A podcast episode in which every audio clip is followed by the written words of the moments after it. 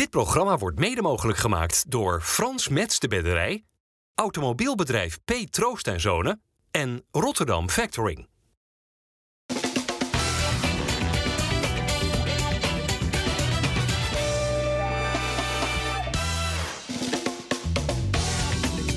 Goedendag dames en heren, hartelijk welkom bij FC Rijnmond. Op deze vrijdag hebben wij hier Soleiman Usturk. Oh, dat is wel uh, heel snel uh, op play gedrukt. Gaan we gelijk weggeven wat we dadelijk gaan laten zien. Dat is ook jammer. Nou ja, oké. Okay. Ik wil even de gasten introduceren. Soleiman Usturk, buitenlands voetbal-expert van Voetbal International. Ik ga zo meteen met jou met name praten over de komende Champions League-wedstrijden van Feyenoord. Daar zit Celtic in, hebben we al uh, verklapt. Dennis van en Robert Maaskant. De eerste keer, Robert, weer, nieuwe seizoen. Ja. Waren de overhemden op? Wat een leuke humor heb jij. Ja, leuk hè? Flauw ook zo. Gaat goed? Ja. Zin in? Weer uh, een uh, jaar lang hier aan tafel zitten ik, en Ik uh, ben wel even lekker op kijken. vakantie geweest met mijn gezin. En veel Spaans voetbal gezien. En nu weer volop gedoken in de, in de Nederlandse competitie. Nederlands elftal. alle dingen die spelen. Ja. Dus ja. Wie zie jij vaker, Soleiman? je vrouw of Robert Maaskant? nou, ik, als ik Leo Driessen hoor ik heel vaak. Die zit tegenwoordig overal op televisie uh, commentaar te geven. En uh, Robert Maasel krijg je er als analist bij. Dus ja. op de radio op televisie. Dus, uh, ja. Als je maar zinnige dingen blijft zeggen. Het voelt bijna alsof we getrouwd zijn, maar dat is niet zo. Robert, was jij nou extra gespannen als jij een nieuwe speelwijze had bedacht voor een van jouw vele elftallen en, en die wedstrijd ging beginnen? Had je dan kriebel in de buik? nou, je bent sowieso altijd wel enigszins gespannen als je aan de wedstrijd begint. Zeker de eerste 10 minuten om te kijken of het staat zoals je je eigen spelers beloofd hebt dat het staat. Eh, want je bespreekt het uiteraard voor, je traint daarop. Dus dat wil je dan altijd wel even controleren in die beginfase van zo'n wedstrijd. Eh, ik neem aan dat jij doelt op, uh, op Ronald Koeman ja, gisteravond. Die gaf dat toe. Hij wel zei, ja, ja, ik had echt een kriebel in mijn buik. Ik kan ervan. me daar wel iets bij voorstellen dat je in ieder geval die beginfase even aan het kijken bent van, nou, loopt het zoals het loopt? Ik vond het overigens, uh, toen ik de naam ook zag, vond ik het wel volkomen logisch dat hij het zo gedaan heeft. Is het systeem ook het meest logisch voor dit Nederlands elftal? Nou, dat hangt, eraf, hangt er van af tegen welke tegenstander je speelt, hoe dominant je gaat zijn tegen een tegenstander.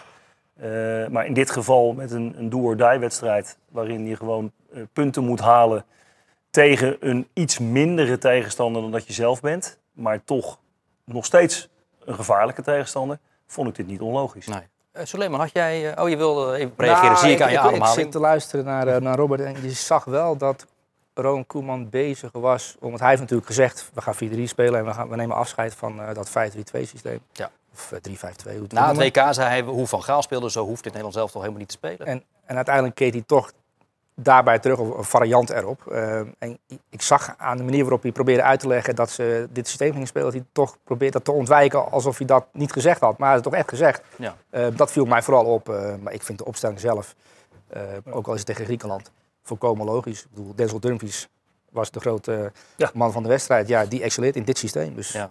Uh, had jij wel het debuut van Quilinci Hartman van Feyenoord verwacht gisteren? Of, of past dat niet in dit systeem? Nou, dat heeft Koeman ook uitgelegd uh, in, in deze week tegen Ierland uh, en tegen Griekenland. Je moet zes punten pakken. kiest hij voor ervaring, daarom koos je voor de Roon. Daarom kiest hij voor Daley Blind. Hm. dus dat begreep ja. ik ergens wel. Dat je niet dan Hartman laat debuteren. Die kan ook tegen Andorra spelen. Ik denk dat dat op die manier uit te leggen valt. Ja, al met al is het ook uit te leggen als de Koeman-strategie van 2014 bij Feyenoord, hè? Ja, toen is hij er ook een keer op teruggevallen. Uh, was toen bij Groningen uit. Dat was uh, vlak na de klassieker in, uh, in dat seizoen 13-14, toen, toen Pelle rood had gekregen. Dus moest hij wat puzzelen. En Groningen uit toen was wel iets anders dan Groningen uit. nu uiteraard. Dus toen viel hij bij Feyenoord al een keertje terug op, op dat systeem. En later onder andere vlak voor het einde van de competitie bij PSV uit op die manier gespeeld. Hè, met, met Janmaat en, en Congolo op de, de, de flanken extra erbij. Ja. ja. Oké, okay, nou dat was een hele discussie over Hollandse school. Dat is wel op een gegeven moment vermoeiend. Dat is echt een mythe geworden. Hollandse school. Ja, ik heb dat ook ergens gelezen van uh, een deze dagen in de media. Dat we daar in ieder geval niet meer over hoeven te hebben. De Nederlandse school. Wat je ook wel merkt natuurlijk, is dat uh, het verschil tussen de trainer-coaches als die praten over systemen. En hoe men vanuit de media praat over systemen. Uh, ja, iedere trainer-coach geeft iedere keer weer opnieuw aan, met wie je ook staat te praten. Joh, geef dat systeem geen naam. Plak er geen, geen labeltje op, want alles beweegt, alles doet, et cetera, et cetera. Maar iedere keer wordt er toch weer gesproken over 4-3-3, uh, ja. nou ja, noem, noem, het allemaal maar op. Ja, vind ik wel een interessant fenomeen. Ja. Geertruida foutloos? Eh, ik vond hem in de eerste helft erg sterk spelen. Overtuigde hij me wel. Ik, eh, je gaat toch kijken wie, voor wie kiest hij op die plek. Eh, toch Ja. weer voor Geert Ruiden, ja of nee, na, na aanleiding van die wedstrijd tegen Frankrijk natuurlijk.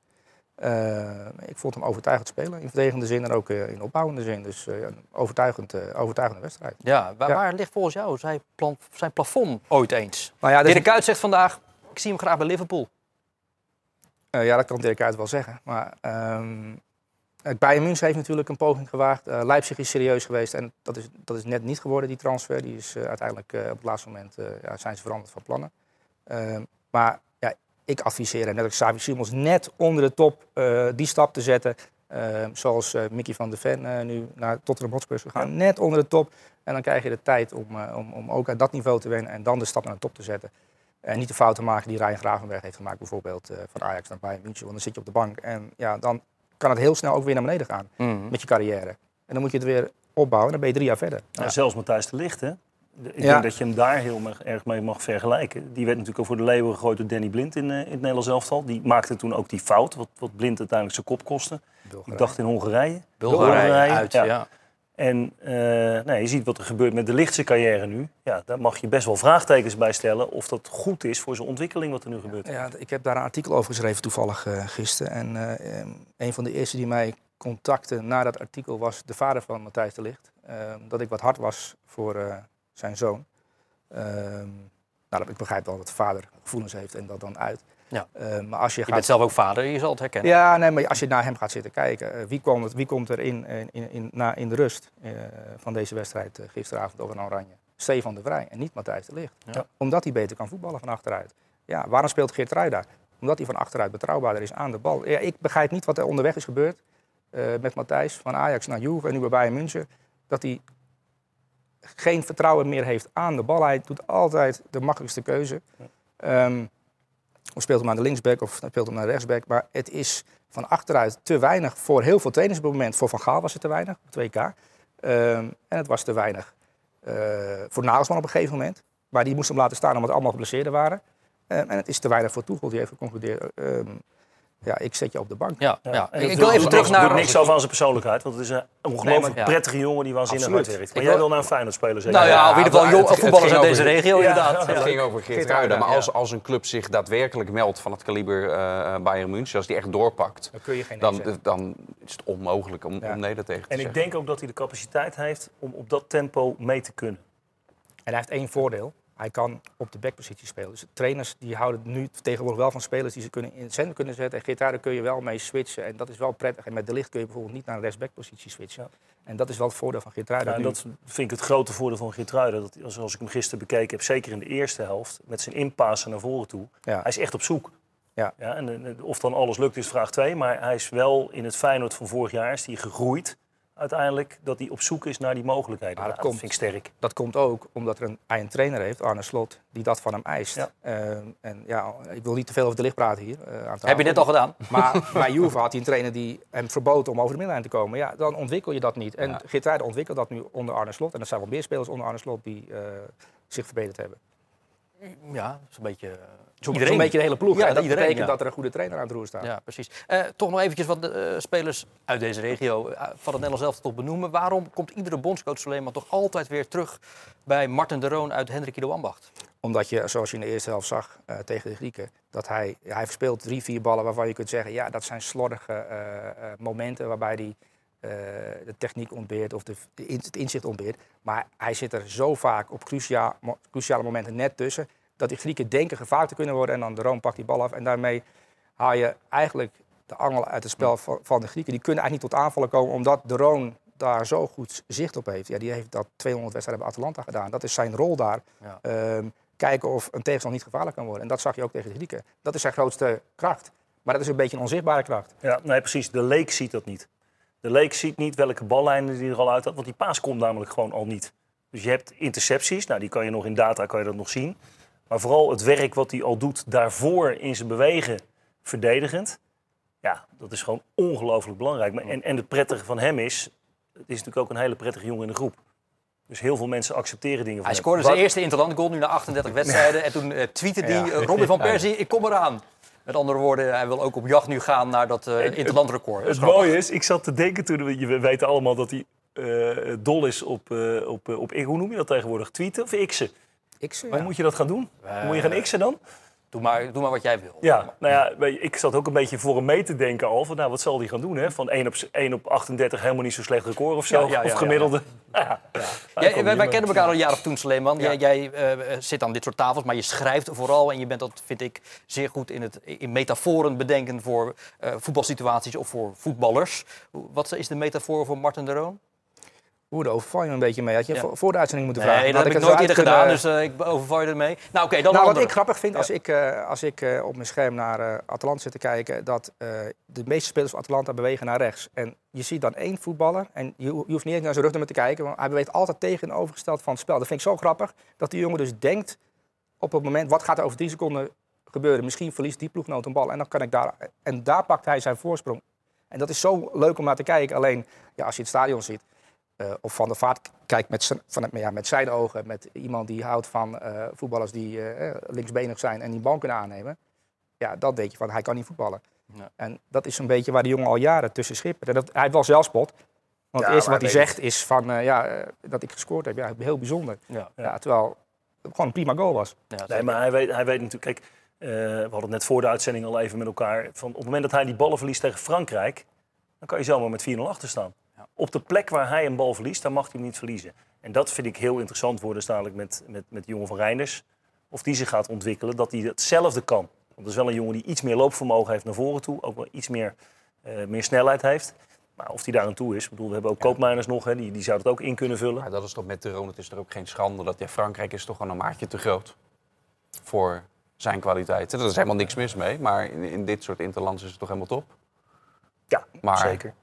Ja, daar Dus ben ik is het niet mee eens als je dat zo, zo stelt. Want dan, het is toch een teamsport. En als je Frankrijk analyseert en die wedstrijd, eh, die heb ik nog een keer bekeken. Omdat ik wilde weten, wat is er nou aan de hand? En Gitera kreeg natuurlijk de schuld van veel dingen. Ja, maar dat stond Ehm, tactisch niet goed. Maar als jij ziet waar Griezmann stond en waarom hij niet gedekt werd, is omdat de Fransen hadden het zoveel beter voor elkaar. En dan met de Roon, juist met de Roon, Ja.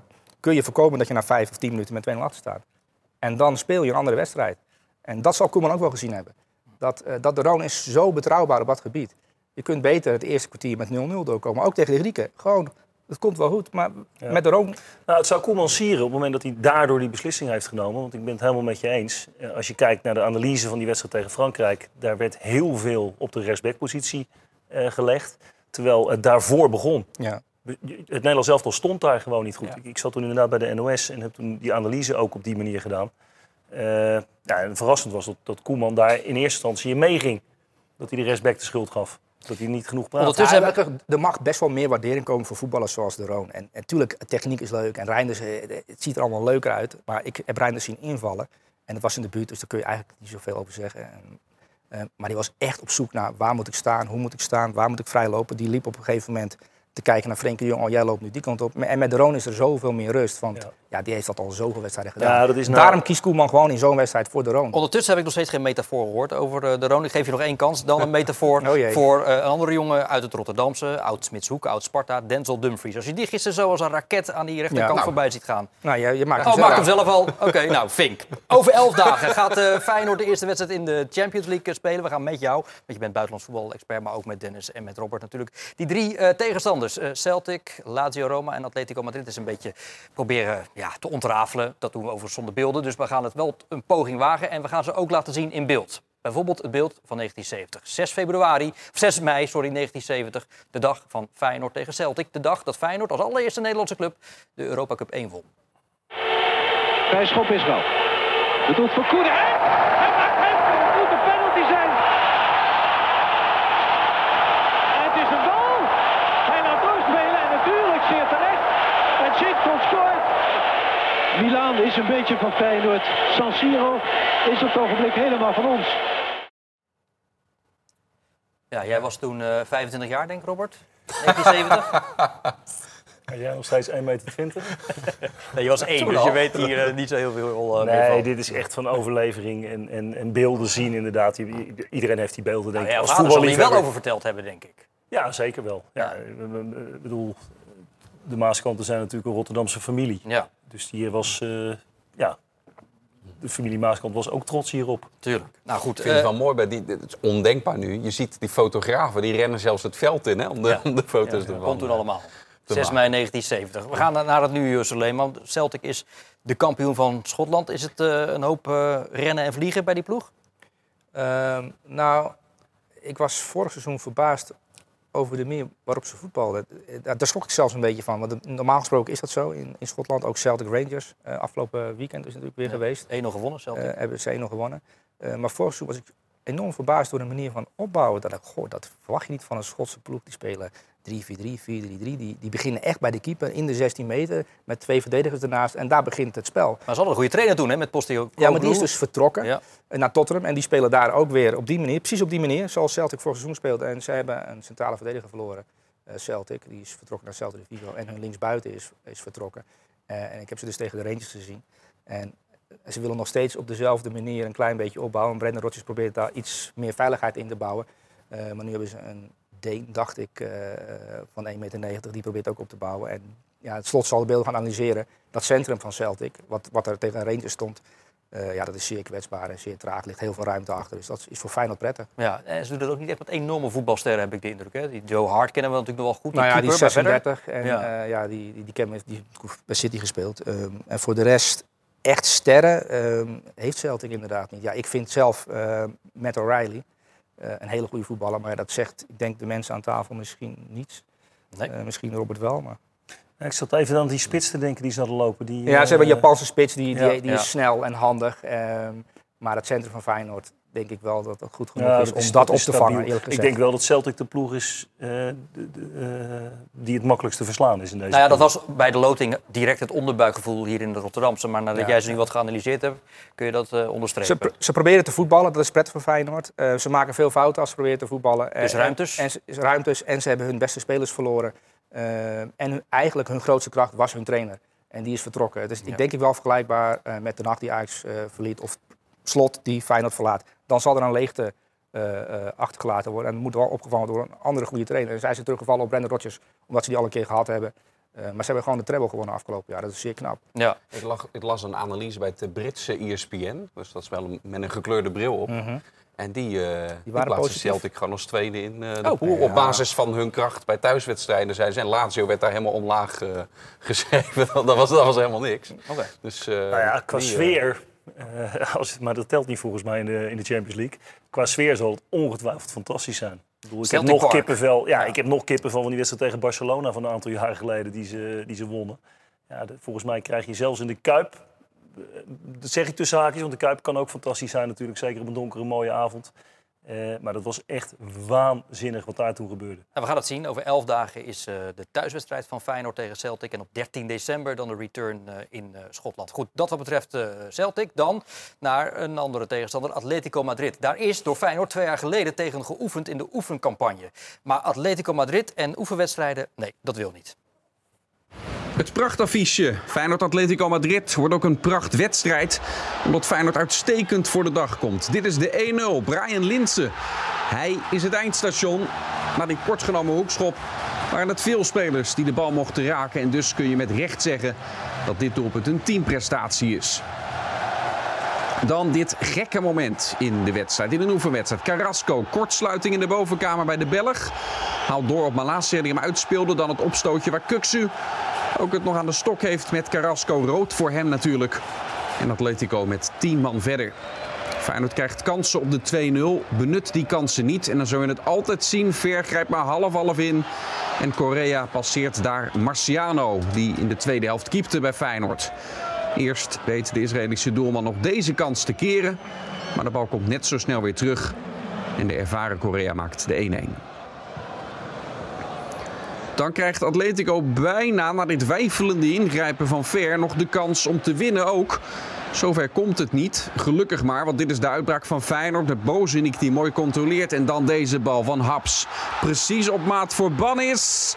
Die hier op fantastische wijze Feyenoord op 2-1 schiet in de blessuretijd. En kijk eens op de tribunes hoe blij ze ermee zijn. Het is maar een oefenwedstrijd. Maar het is wel de Spaanse kampioen hoor. Die hier over de knie gaat door deze goal van Bannis. Prachtig resultaat in de laatste oefenwedstrijd.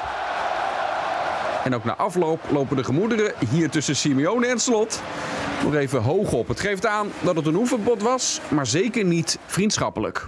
Ja, dat was twee jaar geleden. Hoe lang blijft zo'n rekening openstaan, Robert? Eh, Die twee trainers die eh, lopen te... Nou ja, die, Irriteren. Simeone is natuurlijk... Je ziet hem overigens in Spanje, zie je hem overal. Want hij maakt een reclame voor een, voor een grote bank in Spanje. Dus iedere hoek van de straat staat hij, eh, staat hij op zo'n poster. Of Oh ja? zo'n, De, de Robert Maaskant van Spanje. Dus. Ja, Ja, nou, dus zover wil ik niet gaan. Ik hoop dat ik iets meer fatsoen heb af en toe. Eh, en, Af en toe wel. eh, iets minder succes gehaald als trainer ook. Eh, nee, dit, dit hangt al lang niet meer. Ik denk trouwens dat Slot wel een klein beetje bang was als je zo in zijn ogen keek als, als Simeone Zou te keer jij dat gaat. ook zijn als Simeone briesend op je afstapt? Nou, het grappige is, in Spanje zie je wel dat Simeone... Kijk, eh, hij verliest nooit zijn echte agressieve karakter natuurlijk... zoals hij dat ook als speler al had. Maar eh, het verhaal in Spanje ging wel dat zijn voorbereiding dit jaar... bijvoorbeeld wel wat aangepast was dan voorgaande jaren... waarin hij altijd alleen maar keihard ging. Altijd betonvoetbal, Suleiman. Dat was toch het adagium bij Atletico. Is dat ja, nog steeds ik zo? heb speciaal voor jou in deze uitzending heb ik eh, de laatste wedstrijd van Atletico bekeken, omdat dit verhaal eh, natuurlijk ook eh, gehoord heb. Was dat die 7-0 die je hebt bekeken? De 7-0, eh, ja. De uitwedstrijd tegen Rayo Vallecano. ehm, en wat mij opviel, eh, wat ze echt extreem getraind hebben in de voorbereiding, is eh, de opbouw van achteruit. Dus eh, wat je helemaal niet verwacht bij Atletico, is dat zij sinds eh, begin van dit seizoen eh, van achteruit proberen op te bouwen. Eh, natuurlijk zullen er momenten zijn dat ze die bal gaan wegschieten. Maar dat heb ik nooit eerder gezien in eh, 12, 13 jaar Simeone. Nee, dat is opvallend. Axel Witsel, een Belgische middenveld natuurlijk, die speelt nu centraal achterin als laatste man. Ja. En daar begint de opbouw bij. En ja, dat is wel vreemd als je dat betonvoetbal in je hoofd hebt. Ehm, zonder bal is nog altijd hetzelfde. Het is gewoon ehm, met z'n allen werken. Griezmann staat ongeveer tegen zijn eigen verdedigers aan. Ehm, het is ongelooflijk gedispenseerd, georganiseerd. Maar ze proberen dus, en dat zal Slot wel eh, eh, zien als hij die beelden gaat eh, analyseren. Er zijn momenten, en ook tegen Rayo Va- Vallecano, ze wonnen met 7-0. Maar in de opbouw ging het 5, 6, 7, 8, 9 keer fout. Oh ja. Ja, dat ging heel vaak fout, want ze zijn echt nog beginnelingen op dat gebied. Eh, ze hebben twaalf jaar dat niet gedaan en nu gaan ze ineens Ja. sinds afgelopen zomer Ja, eens dat doen. en- dat, dat zou je opvallen tegen Kijk, verdedig- iedere trainer die, die zegt van we willen de, de linies kort bij elkaar hebben, kleine ruimtes en heel compact spelen vlak voor onze eigen 16. Ga wedstrijden kijken van Atletico Madrid. Zo moet het normaal gesproken. Want zo staan zeker op, en dan zeker nog twee, drie jaar geleden. Nu, eh, nu heb ik ze te weinig eh, hele wedstrijden gezien. Maar dat, ja, dat is verdedigend een genot om te zien. Ze zijn natuurlijk wel die twee moordenaren kwijt inderdaad in het centrum achterin. eh, die zich heel lang sterk hebben gehouden. Maar ja, dit, dit zijn wel kansen voor Feyenoord inderdaad in die omschakeling. Maar dat zal in de Champions League voor Feyenoord sowieso moeten gelden. Dat ze heel snel in die 1, 2, 3 passes naar de goal toe moeten. Op het moment dat ze die bal veroveren op de helft. Als, ik, als ik jou zo hoor, ligt er misschien zelfs ook een kans Ja. voor Feyenoord om die opbouw Ja. te verstoren. Ik, ik heb, eh, ja, vorige week moest ik ook een mening geven over de pool. En eh Feyenoord, tweede of derde of eerste, weet je, wat denk je? En eh, iedereen zegt eigenlijk hetzelfde. Eh, met Lazio samen, die twee wedstrijden die ze in, in- eh, achter elkaar, wedstrijd 3 en 4 tegen Lazio, daar gaat het om. Ja. Ehm, vier of zes punten, dat maakt het verschil tussen eh, tweede worden of derde worden. Ehm, maar ik denk, eh, als je Atletico vorig jaar in de Champions League hebt gezien, hebben ze verloren van Club Brugge met 3-0. En thuis 0-0 gespeeld tegen Club Brugge. Ehm, zij gaan die Champions League wel heel serieus nemen, want Simeone wil nu de keer die pool overleven. Ehm, maar als ze dat gaan doen, zoals de, de manier zoals ze tegen Rayo Vallecano hebben gedaan, eh, met achteruit proberen op te bouwen, dan heeft Feyenoord wel kansen, denk ik, eh, om ook punten te pakken tegen Atletico. En dan kunnen ze ook die pool winnen als, als zij die kan, ja, de campagne goed doorkomen. Als je het Feyenoord Als- voor Utrecht, eh, tegen Utrecht voor ogen neemt, dan hebben ze tegen iedereen een kans. Eh, neem je het Feyenoord van de eerste twee wedstrijden voor ogen, dan wordt het alweer een stukje minder natuurlijk. Ik voelde de headline wel al aankopen na deze uitzending hoor. Dat eh, Feyenoord kansen heeft tegen Atletico Nou, Madrid. als eh, je het op jouw zo- konto je- toegeschreven. Atletico is niet de beste ploeg van Spanje. Nee. Dat zijn Barça en Real. Eh, Lazio is niet de beste ploeg van, van Italië. Ook al hebben ze gewonnen van Napoli. Maar als je die wedstrijd gezien hebt, eh, La- Napoli-Lazio, 2-1. Ja, het 1, ja, precies, voor Lazio. Eh, maar Napoli was veruit de beste ploeg. Die, had, die hadden de bal en Lazio profiteert twee, drie keer van eh, ja, een geweldig moment. Ehm, Ja. Maar is niet de beste ploeg van Nou, Italië. nog heel even over Atletico. Dat betekent dat eh, de general eh, staat op eh, Memphis en Hansko op Griezmann. Ehm, nou, Griezmann die heeft een heel aparte rol in deze ploeg. Want die staat op papier in de spits. Eh, maar Griezmann speelt bij Atletico nu als een acht. Eh, en wat betekent dat? Hij, eh, ja, hij is soms link, linker middenvelder, soms rechter middenvelder. Soms staat hij mid-mid. Gisteren bij Frankrijk stond hij op 10. Was hij fantastisch. Ja, ja, ik vond hem afgelopen jaar de beste speler in Spanje, in de Primera Division. Ehm, en ik hoef dat niet te vinden, maar ik kijk gewoon voetbal en denk, goh, wat is die jongen goed. Ja. Ehm, En bij Frankrijk, tijdens het WK, vond ik hem ook weer galoos. Alleen in de finale viel hij tegen. En hoe moet je met die kleerkast eh, Rodrigo de Pol eh, omgaan? Die, die, die Argentijnse eh, bodyguard.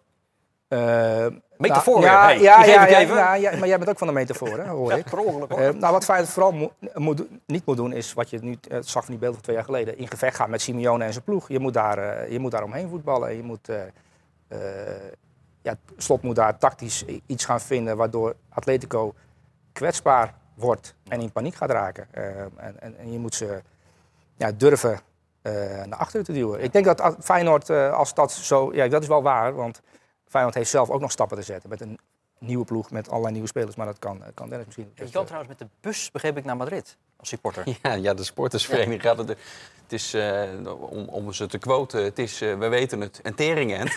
maar eh, ik weet nu al, die bus gaat vol zitten. Dat, eh, dat, dat, daar kennen we het legioen lang genoeg voor. Gaan ook Dus, vliegtuigen. Er gaan ook vliegtuigen, ja. Maar niet iedereen heeft eh, daar het budget, denk ik. eh, Oh. voor. En En sommige, mensen hebben, sommige mensen hebben vliegschaamd, eh, Robert. Dat kan natuurlijk ook. Ja, zeker. Maar zo'n bus, Ik denk dat het voornamelijk nee, precies. Zo'n bus gebruikt ook wel wat hoor. 300 euro geloof ik, eh, als je met de bus eh, met Feyenoord mee wil naar die wedstrijd. Nou, waar ik wel nieuwsgierig naar ben, om er toch nog even op in te haken, van eh, de Hunger in Paradise. Hè, van Feyenoord focust zich waanzinnig op die Champions League. Eh, hoe scherp blijven die spelers, en dat, dat is natuurlijk aan, aan slot en zijn staf, ook nog in die competitie, in die wedstrijden die eromheen liggen. Want dat is wel weer een nieuw fenomeen bij, bij Feyenoord. Met inderdaad die nieuwe spelers die toch nog even nodig hebben om in dat slotritme te komen. eh, wat ze allemaal graag willen. Ja. Maar hoe groot is die honger in de wedstrijden eromheen? Daar ben ik heel nieuwsgierig naar. Ja, en hoe manage je een eventuele teleurstelling als het allemaal Nou ja, niet zo hebben- positief blijkt te zijn het, als aan de eh, voorkant. Het hè? Saruki-verhaal hebben we al. Maar Feyenoord kan ook vierde worden in deze pool. Ja, maar wat ik beetje bedoel is teleurstelling van spelers die gepasseerd zijn. Maar neem de laatste Champions League campagne. Was het Ja. vooraf ook, nou ja, werd er best wel hoog opgegeven over eventuele kansen toch voor Feyenoord.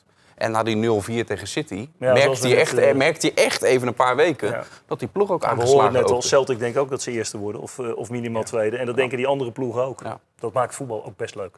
Dan naar die eh, derde en laatste tegenstander, al even gememoreerd. Lazio Roma. Daar heeft Feyenoord natuurlijk vorig jaar in de Europa League twee keer tegen gespeeld. Daar ging dat mis. Thuis werd er gewonnen. Maar in 2000 werd er door Feyenoord ook gespeeld op bezoek bij Lazio Roma in de Champions League. En toen met een scorende en hele boze Jonda Thomasson.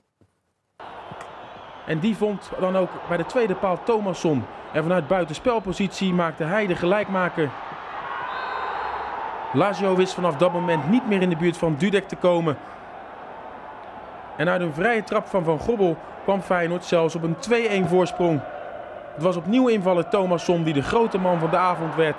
En daarmee veroverde Feyenoord de koppositie in Pool D. Jongen was boos dat hij niet opgesteld stond en daar ben ik heel blij mee. Want ik, eh, ik haat tevreden wisselspelers. En zijn reactie in het veld is eh, perfect geweest en als een echte prof geweest. Hij heeft er revanche genomen op zijn trainer die hem ernaast zette en op de juiste manier revanche genomen. En wat gaan we er nou weer een heisa van maken dan? Ik heb eh, de volkvinger gedaan naar, naar de supporters van hun. Kijk, eh die meneer zei bijvoorbeeld, Oele heeft elke keer Oele de bal hadden. Oeh, oeh, oeh, vind ik niks aan. Oele is een goede vriend van mij. Dat was ik, vond ik gewoon heel zielig. Dus, ja, gewoon heel, brengt gewoon heel veel emotie op in mij. Ja, dat, dat ging over het racisme waarschijnlijk in het stadion. toen Ja, dan, eh, later he- heeft Thomasson toegegeven dat het toch ook wel richting Beenakker bedoeld was. Ja, de middelvinger, dat zie je tegenwoordig nooit meer, Robert. Dat eh, een speler even de middelvinger opsteekt naar de, naar de coach. Nee, maar ik mis ook wel een klein beetje de coaches met de persona- persoonlijkheid van, eh, van Beenhakker. Ja, Die het even aan elkaar praten en even wegleggen en het ook relativeren. Ja. Zie ik toch ook wel graag. Ja zeker. Ehm, hoe zou je de, de ploegen onder Sarri omschrijven? De coach nu van Lazio. Ehm, vier drie, driehoekjes, altijd dezelfde manier van voetballen. Ehm, sinds hij in de Serie D begon is als trainer, voetballen ze op die manier. Bij al zijn ploegen, zelfs bij Chelsea. Dus Feyenoord weet precies wat er te wachten staat dat is geen van vorig jaar. Nee, het is min of meer hetzelfde. Ehm ja, er is eigenlijk niets veranderd. Behalve dat ze Savikovic, Ma eh Savikovic Malic, eh, of Savic, Savic, Savic ja. sorry, zijn kwijtgeraakt. Ehm is min of meer alles hetzelfde. Ja. Ze hebben wat jonge talenten gehaald die eventueel kunnen doorbreken. Maar de ploeg is eh niets veranderd. Speelt nog steeds op dezelfde manier. Ehm, en het- de, de vraag is hoe ver is Feyenoord op dat moment eh, in oktober eh, met die nieuwe spelers. En wat kunnen ze dan? Want natuurlijk vorig jaar die 4-0 geloof ik. Hè, eh, 4-2 of 4-2 ja. Ja. Ehm, ja, Dat was de eerste de wedstrijd. eerste wedstrijd was het nog een schrikken van, oh, dit is iets hoger niveau dan we gewend zijn. En daarna is Feyenoord enorm gegroeid natuurlijk. Eh, in het seizoen. En eh, ja, dan vraag ik hoe ver ze dan zijn op dat moment. Ja. Of ze Lazio eh, weerstand kunnen bieden. Ik, ik denk ook dat Slot en, en eh, Sarri ook enorm waardeert als trainer. Gewoon de manier van spelen. Het is ook een beetje eh, een voetbalprofessor. Hè? Ja. ja, ik denk dat Slot daar ook wel van kan genieten. Van het spel wat Lazio probeert te spelen. Eh, en ze hebben inderdaad die wijze les gehad al. Nou, dat is meegenomen. Ik heb alleen niet de indruk dat Sarri ook wat met slot CQ Feyenoord, CQ Rotterdam heeft. Ehm, Vooral Nee. de supporters van Feyenoord. ja, Dus ja, ja. Maar, maar hoe is die antipathie nou tussen Rome en Rotterdam? Wat, wat, wat denk je nou dat er dadelijk gaat gebeuren als het gaat om het bezoeken van die wedstrijd van Feyenoord supporters in Italië en vice versa? Ik denk hetzelfde als een jaar geleden dat uiteindelijk eh, het besluit komt dat er geen eh, supporters van Feyenoord welkom zijn bij die wedstrijd. Dan zou je vast de tegenbeweging weer krijgen dat hier in Rotterdam er geen supporters van Lazio eh, mogen zijn. Ja, bijzonder treurig, maar eh, Ja. ik heb niet de illusie dat een, een aantal maanden verder dan, eh, dan toen, dat het eh, nu anders gaat. Nee. Nee, en laten we dan ook een keertje hopen, want we, we stappen iedereen heel makkelijk overheen, dat die meloten die dat doen. Ja. En want ik heb alleen maar dingen gehoord toen met die fontein van ja, maar wij waren het niet en we deden het niet, maar ze stonden er wel allemaal. Dat dat nou gewoon eens een keertje nadenkt hoeveel schade dat toebrengt aan de club Feyenoord. En ik weet dat ik hier bij Rijnmond zit en ik weet dat het allemaal gevaarlijk is, maar iemand moet het ook wel een keer gewoon uitspreken. Corrigeer elkaar een keertje, doe eens normaal. Ja, het is niet goed voor de club internationaal dat zodra de loting eh Lazio Roma is, dat de rest van de wereld het hierover heeft. Het is gewoon niet goed voor, eh, voor Feyenoord, eh, ja, het imago. Ook voor- in Nederland niet, maar Vorig seizoen is het natuurlijk na elke wedstrijd, dus voor de eerstvolgende wedstrijd, is er steeds weer een sanctie geweest. Het is al een uitwedstrijd en dan weer een uitwedstrijd zonder publiek. Je hebt een thuiswedstrijd gehad en daarna moesten er weer vakken leeg blijven. Dus wat, wat Robert zegt, ja, hou daar, eh, daarin, daarin de kop erbij. Feyenoord is fantastisch op sportief gebied aan het groeien. Maken mooie transfers, halen goede spelers, spelen goed voetbal, worden kampioen van Nederland voor het eerst weer sinds weet ik veel hoe lang. Zes jaar. Weet je, het moet over voetbal gaan. ja, zoals op Celtic Park, dat is wat je wil. Mhm. Zo'n sfeer, Ja. en geen rottigheid. Want de drie thuiswedstrijden dadelijk in de Champions League zijn de vakken Z wel weer gesloten. Omdat daar geen netten mogen voor de cameravoering. Dus dat, dat, dat, dat blijft ook wel een beetje rond Ja. deze club, helaas, eh, Ja, hangen. dus een man of, nou wat zijn het, 5000 op dat vak, denk ik. Familie, kinderen die daar niet naartoe kunnen, die heel graag in het stadion hadden gezeten. Ja, kan niet. Je oproep is duidelijk. Ik hoop dat er naar eh, geluisterd wordt. En dan gaan we gewoon op naar een mooie campagne. We hebben die drie clubs een beetje eh, besproken. eh, maar de meningen op straat van de Feyenoord supporters, die hebben we nog niet gehoord. Daar komt hij. Feyenoord kent eh, de Champions League tegenstanders, Atletico, Celtic en Lazio. Ja. Wat denkt u ervan? Ik denk dat dat wel kan. Ja, moet wel goed komen toch? Ze hebben er echt een super team nou, dus uh, dat gaat het worden. Dit wordt kampioenen. Dit. De Celtic uh, sowieso wel uh, zes punten thuis en uit. Lazio hebben ze natuurlijk al een keer gehad. Dat lukte. Ze hebben kuipvrees toch? Je hebt gehoord wat de trainer van Lazio heeft gezegd. Heb je dat meegekregen? Ja, Lazio moet ook kunnen, net als vorig jaar. Die vindt Feyenoord sporters uh, helemaal niks. Weet je? Die is bang voor de sporters. Hè? Die weet wat er gebeurt thuis. Ik woon in Italië, dus ja, Lazio is een sterk team, maar het is wel te doen. En Celtic, die hebben ze ook al een keer gehad en dat lukte ook. En Atletico, idem dito. Atletico wordt wel lastig. Als ze blijven spelen zoals ze nu spelen, dan, uh, dan komt het wel ter, uh, goed, denk ik. Ik denk dat ze wel zwaar, ook zwaar hebben hoor. Ja, ik denk het wel. Ja. Atletico kan de koffers inpakken, de, de kansloos. Ja, ja, nee, ze kunnen buiten niet komen. Dus uh, het is gewoon, het is eigenlijk al, ze kunnen eigenlijk zo verder. Atletico zo weer verder. Hoeft helemaal niet te komen. En die man die had wel vertrouwen in Feyenoord Celtic. Want ja, daar is 53 jaar geleden ook van gewonnen. Ja, ja. dat vind ik altijd wel mooi. We hadden altijd die beelden erbij dan van, van, van die oude wedstrijden. Maar zelfs in de competitie zelf kan een ploeg totaal veranderd zijn. Er kunnen zes, zeven nieuwe spelers in staan. Dat je een heel ander... Ja. Kijk, qua spelsysteem en idee, als dezelfde trainer er nog is, Allah. Maar als je drie seizoenen teruggaat en er is een wedstrijd gespeeld, ja, dat telt gewoon niet meer. Is Feyenoord sneller goed dan verwacht? Ik was onder de indruk tegen Utrecht. Ja, en dat had ik zelf niet verwacht.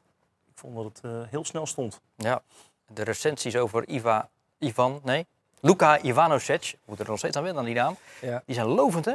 Ja, ik, dit is, uh, ja zeker. Uh, een geweldige speler, international. En uh, de manier waarop Slot daarmee omgegaan is, moest ik lang wachten. Maar wel alvast contact met hem anderhalve maand. Dat betekent wel dat hij ja, begaan is met hem en hem alvast geïntroduceerd heeft van dit kun je verwachten. En daarom kon hij ook direct opstellen. Maar ik vind denk wel dat het een belangrijk seizoen is voor, voor Arne Slot. Misschien kun jij daar meer over zeggen. Maar die is natuurlijk gebleven. Die heeft wat clubs ja, afgeslagen. gaat dan de Champions League in. Het is voor hem ook wel een belangrijk moment om te laten zien dat hij die grote trainer is die wij met z'n allen in, in hem zien. Eh, en dan moet je zo'n poolfase overleven, zoals, zoals Ten Hag ooit gedaan heeft met Ajax. En dan kun je verder gaan bouwen. Eh, aan je eigen carrière heb ik het dan over. Ik heb het over, over de trainer Arne Slot. Dus ik denk wel echt van belangrijk. Die, die zes wedstrijden in de Champions League zijn voor hem persoonlijk zeer belangrijk. Om te laten zien wat je op topniveau kunt met deze spelers. Maar heeft hij dat niet al toch al een beetje gedaan? Ja, hij had de kwartfinale Europa League, hij had de finale voor, voor de Conference League. echte, de echte crème de la crème in de voetballerij, die kijken naar de Champions League. Dus ja, Conference League finale gehaald. Tuurlijk kom je mee in het vizier. Daarna in de Europa League ook ver gekomen. Hij komt al in het vizier dan, tot een Hotspur gemaakt. al, Dus hè? zeker weten, alle, al die parameters zijn er, waardoor die zeker gevolgd wordt. Maar als het in de Champions League laat zien, eh, ja, dat is ook voor spelers, maar ook voor de trainer. Dat, dat, is, dat is het niveau waar het moet. Noem mij even die andere eh, zeven trainers uit de kwartfinale van die andere ploegen. In die Europa League vorig seizoen. Ja, Ja. dat gaat hij niet redden. Nee, maar snap je wat ik, snap je wat ik bedoel? Wij, wij, José Mourinho? nee, maar wij zitten daar hartstikke dichtbij. Maar uiteindelijk, eh, internationaal gezien, weet niemand meer dat Feyenoord in die kwartfinale gestaan heeft. Dat, wordt, dat, dat, dat telt niet meer. Tuurlijk wordt Arne Slot gevolgd. Ja, en ik denk ook dat Slot eh, bij Spurs... Ik denk één, dat hij het zelf best wel gewild had. Hè? Maar goed, daar heeft hij eh, communicatief uitstekend eh, gespeeld hier, ook in Rotterdam. Hij is ook heel tevreden bij Feyenoord. Hij doet ook heel goed werk.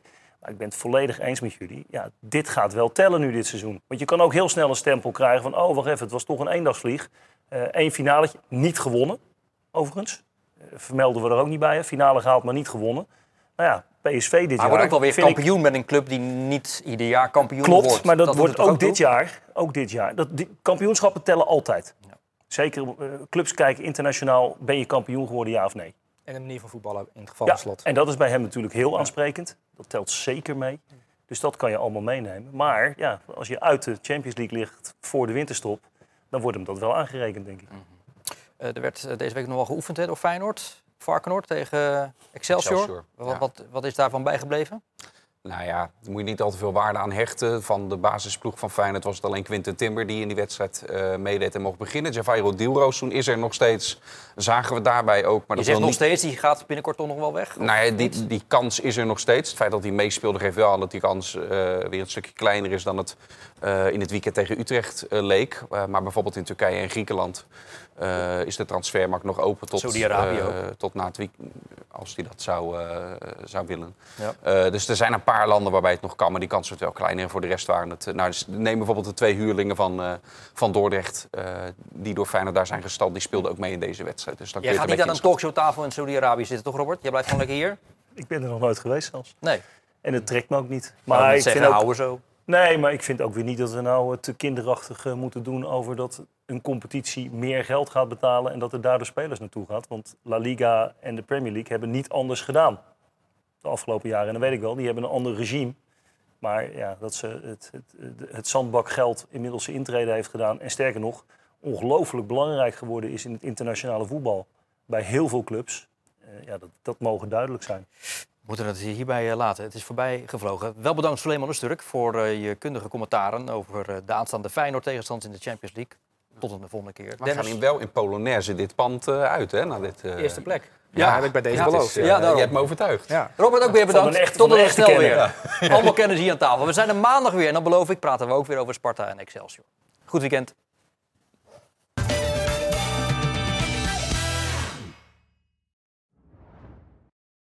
Dit programma werd mede mogelijk gemaakt door Frans Mets de Bedderij, automobielbedrijf P. Troost en Zonen en Rotterdam Factoring.